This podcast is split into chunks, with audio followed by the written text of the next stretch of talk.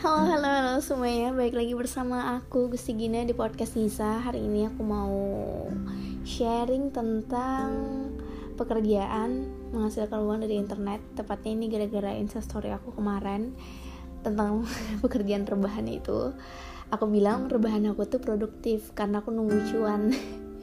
Terus aku buka polling kan Ternyata banyak yang pengen tahu lebih banyak gimana sih pekerjaan aku sebenarnya berawal dari apa ya rasa gondok mungkin. Karena aku sering kayak ditanya gini kerjaannya apa? Gitu. Karena aku dipikir kan cuman diam di rumah aja di kos di sini terus ngabisin uang suami. Itu sebenarnya ada gondok juga sih walaupun ada bener ya maksudnya aku emang nggak ke mana-mana gitu terus aku juga emang dibiayain sama suami. Ya iyalah suami wajar kan?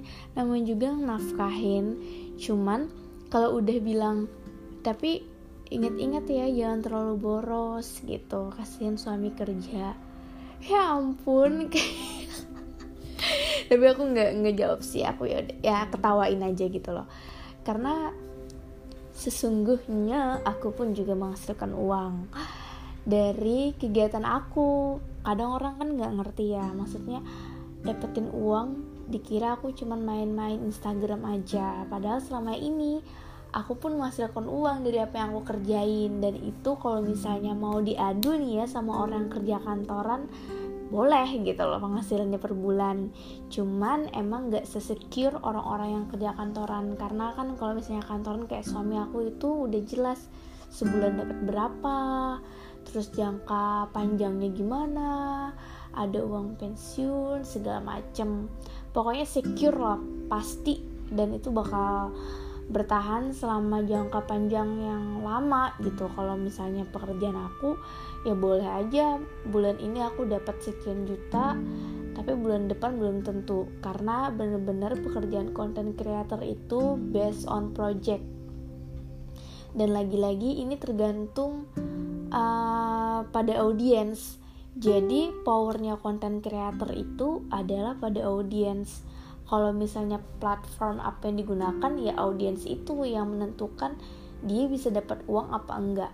Kalau aku kan contohnya pakai platformnya Instagram sama blog sempat di YouTube. Cuman kayak nggak aku lanjutin karena emang ngerasa equipmentnya buat YouTube aku belum punya. Jadi aku emang lagi invest juga dari penghasilan aku di Instagram buat YouTube.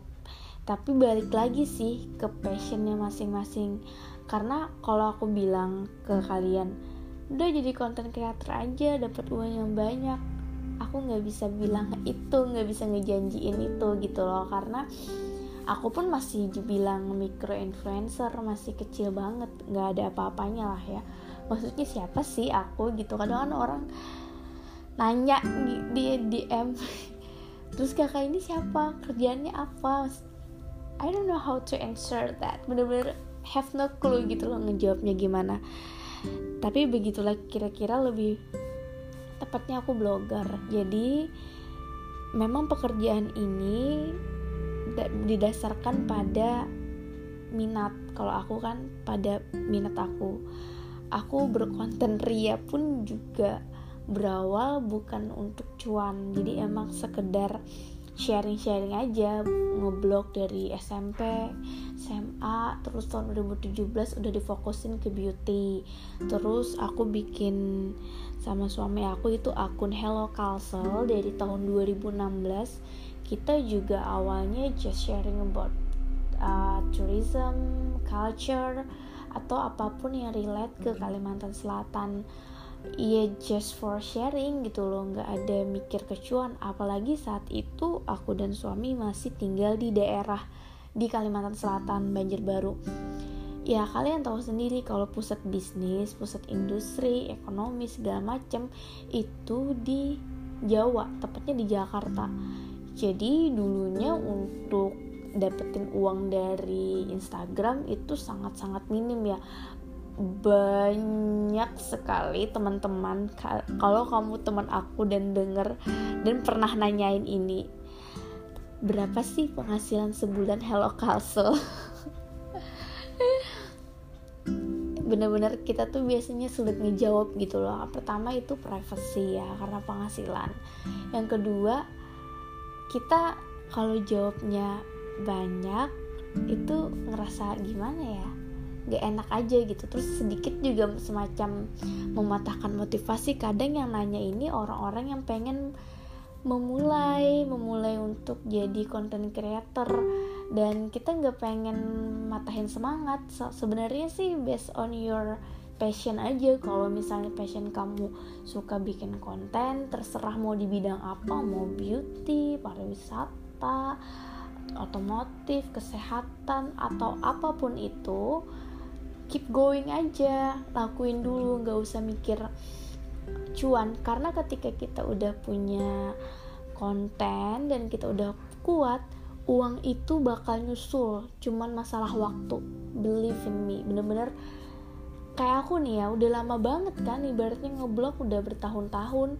Dan aku juga pegang Hello Class sudah lama. Dan aku baru bisa nikmatin itu di beberapa bulan terakhir setelah aku pindah ke Jakarta. Dan apakah memang harus pindah ke Jakarta baru dapetin peluang-peluang job seperti itu? Honestly tidak. Cuman kalau di Jakarta itu emang lebih besar peluangnya.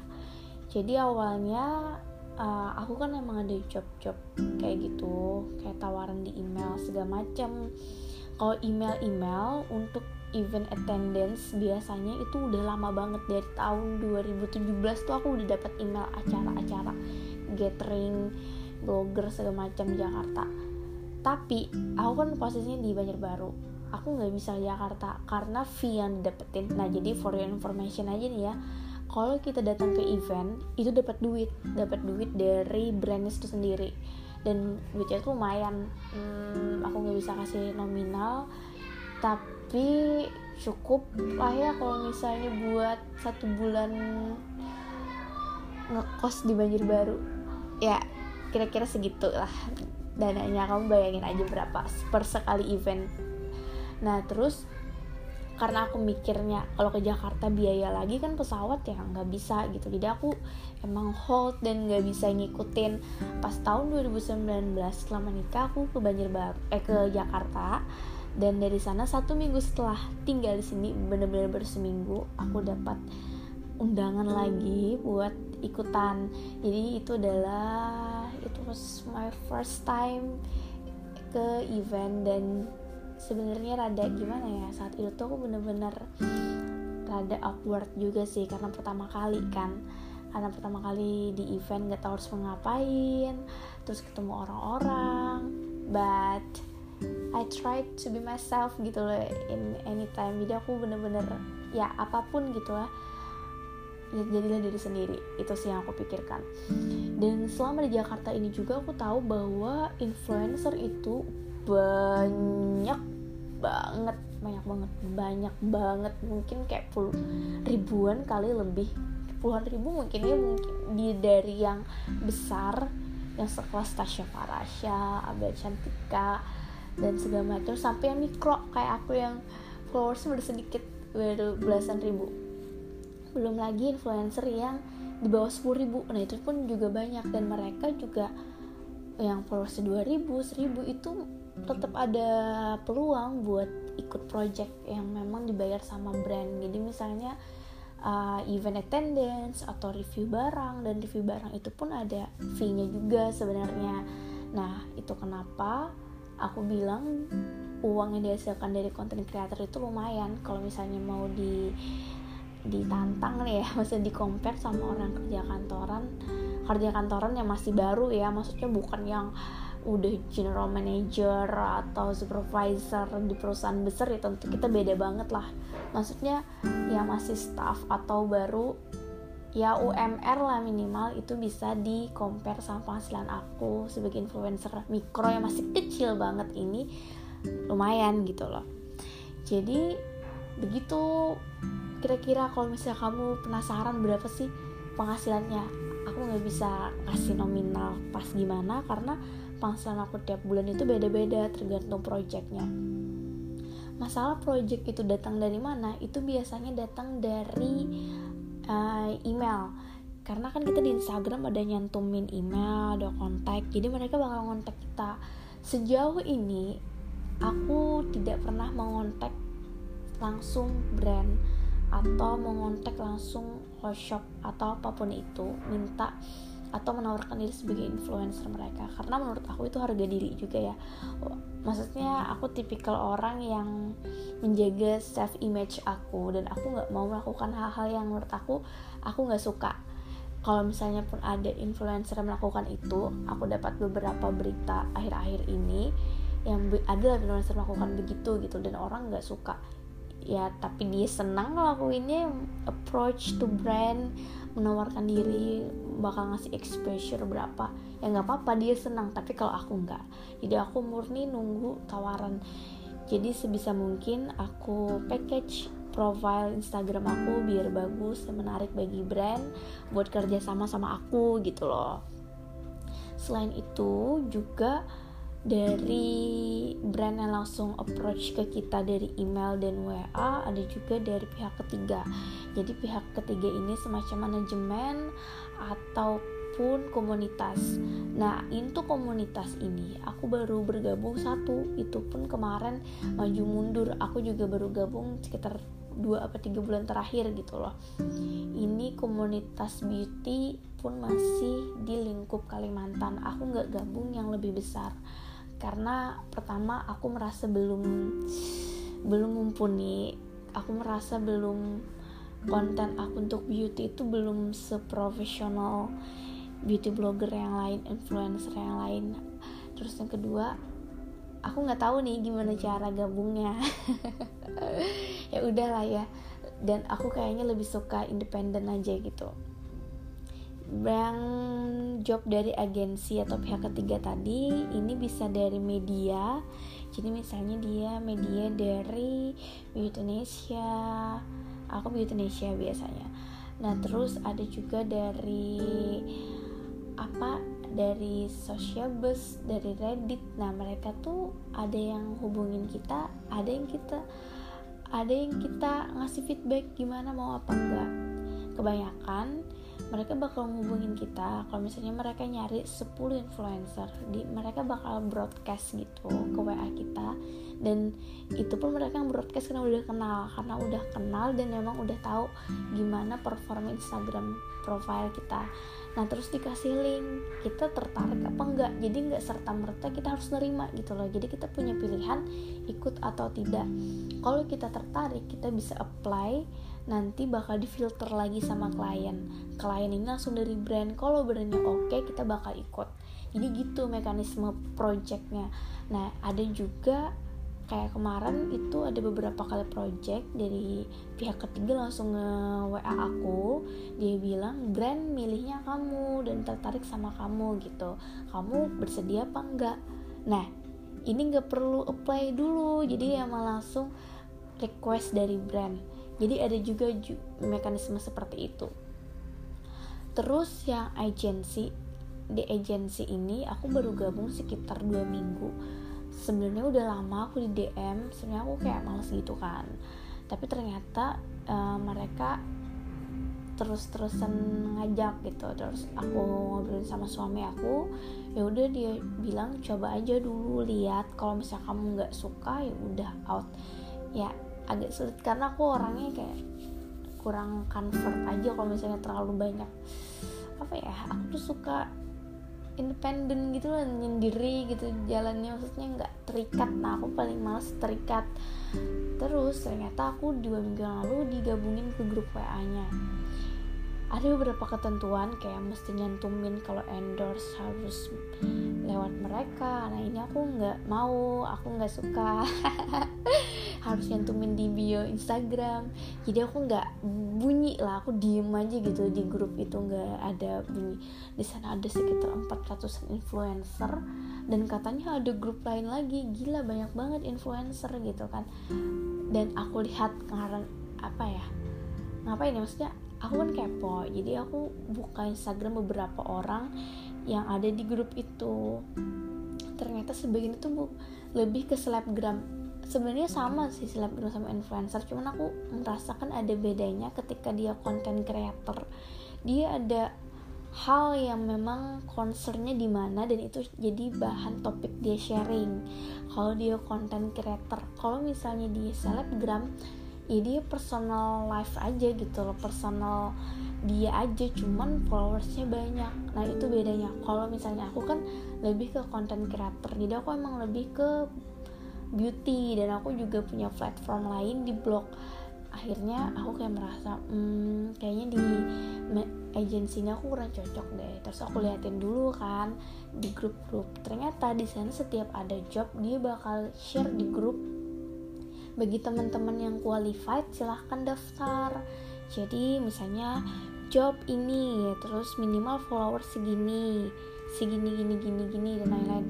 Ternyata pada rebutan tuh tut, tut, tut, tut. wah gila sih kataku dan sayangnya ternyata dari agensi ini uh, untuk fee-nya itu lebih gimana ya mungkin ada pasti ada potongan lah buat agensi.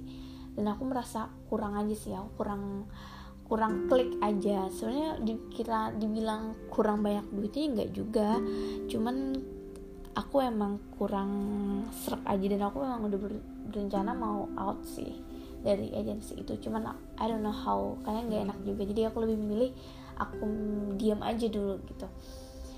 Setelah itu terkait influencer aku bilang di awal tadi nggak sesecure itu. Jadi memang sebagai content creator bagi teman-teman nih juga pengen jadi content creator kalau emang kamunya nggak passion bikin konten menurut aku nggak usah deh karena bakal capek banget.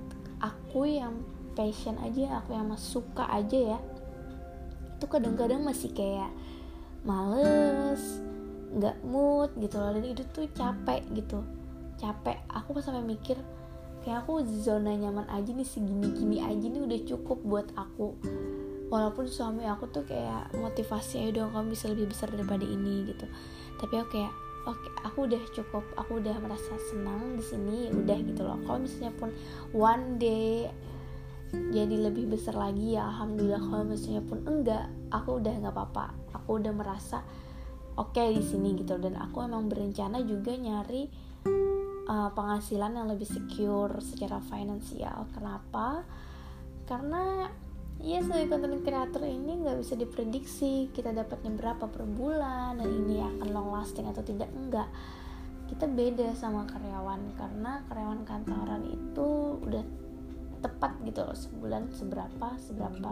Sebenarnya sama influencer ini kayak bisnis kita kayak jualan. Cuman kita jualannya adalah konten bentuknya bukan benda. Kita semacam ya kayak jualan aku pikir kayak bisnis bedanya kalau misalnya bisnis itu bendanya barangnya tuh kita sendiri kan yang ngatur dan semuanya pasti untuk dijual. Kalau konten ini enggak kita enggak jangan menurut aku lebih bagus nggak melulu postingannya soal jualan maksudnya nggak selalu melulu soal endorse aja gitu loh kecuali yang udah gede banget yang udah kayak artis gitu kan ya wajar.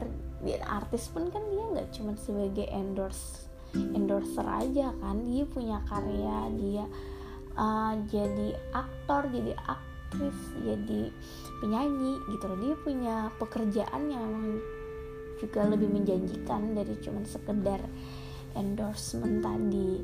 Nah itu tadi yang aku bilang gak secure. Jadi emang gak bisa dibilang menjanjikan. Tapi kalau misalnya punya minat dan mau konsisten kerja keras aku rasa semua orang punya peluang besar untuk jadi besar jadi hebat gitu loh. Semua orang punya peluang untuk menghasilkan uang yang banyak dari internet. Karena memang kebutuhan pasar marketing itu masih luar biasa banyaknya.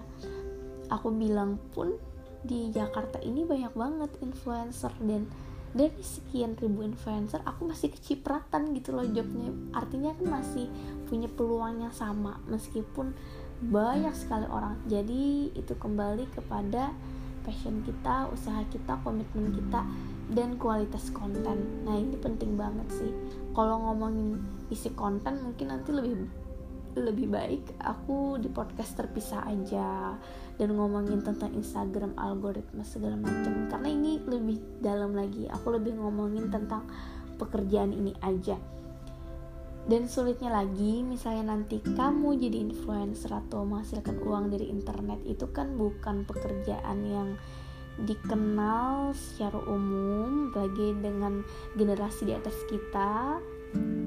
Jangankan generasi yang mama papa kita tante kita generasi teman-teman kita aja kadang nggak have no idea gitu lah apa yang kita kerjain ini just for fun aja atau emang ngasilin uang. Jadi ditahan-tahan aja ntar kalau misalnya dipikir nggak menghasilkan uang is ya bawa senyum aja lah ya. Ke aku kadang manusia manusiawi sih. Aku bete cuman ya nggak nggak lama. Aku nggak marah sama orangnya nggak gimana ya? Kayak pengen ngasih tahu dunia aku juga menghasilkan uang tapi maksudku aku paling aku orangnya nggak suka dipandang dipandang nggak berdaya. Nah itu aku tuh paling gimana ya? Aku nggak suka nggak bukan berarti aku pengen selalu dipandang hebat nggak. Aku cuma pengen aku dipandang sebagai gina sebagai diri aku ya manusia biasa gitu loh ya. Bisa melakukan kayak orang-orang juga bisa makan bisa minum termasuk bisa cari uang. Jadi nggak diremehin gitu aku merasa terluka harga diri aku. Tapi ya aku juga males kayak ngasih tahu aku ngas aku ngasih uang kok dari ini ini. Ya ampun ngapain juga kan mereka kan nggak butuh itu dari mulut aku. Ya udahlah gitu tapi kadang aku pikir sesekali perlu gitu loh menegaskan bahwa aku tuh kerjanya nggak cuma ngabisin uang suami gitu. Walaupun aku ngabisin uang suami ya kenapa? Suami suami aku kan gitu kan duit duit kita berdua. Apa masalahnya buat ente? Tapi ya udahlah ya. Namanya juga manusia society ya. Aku bener-bener paham aku ngerti lingkungan ini dan ya yang penting aku bisa ngelakuin hal-hal yang aku suka dan aku bisa mendapatkan apa yang aku mau segitu saja. Jadi setelah denger aku sharing tentang jadi content creator jadi influencer yang mana aku ini masih kecil banget ya kalian masih pengen gak jadi content creator? Tapi kalau kamu cita-citanya pengen sebesar kayak Tasya Farasha terus Atta Halilintar lagi yang besar besar ya. Banyak ya banyak banget sih. Silahkan gitu loh. Kamu harus punya minat usaha doa dan benar-benar semuanya dipersiapkan dan konsisten. Menurut aku kamu punya peluang yang sama besarnya seperti mereka. Dunia itu benar-benar berubah sangat cepat dan dinamis. Semua orang semua kepala punya kesempatan yang sama oke okay, itu aja deh. Uh, sharing diri aku mengenai pekerjaan rebahan aku yang aku bilang rebahan. Karena apa yang aku kerjain misalkan sambil rebahan aku bikin konten buat aku sambil rebahan aku bikin podcast sambil rebahan aku bikin caption atau ngedit-ngedit foto sambil rebahan bahkan aku ngebalasin email-email kerja sama sambil rebahan juga itu. Kenapa aku bilangnya kerja rebahan? Jadi kalau misalnya orang nanya Gina ngapain di Jakarta? Aku bakal bilang nggak ngapa-ngapain aku di kos doang rebahan. Bye bye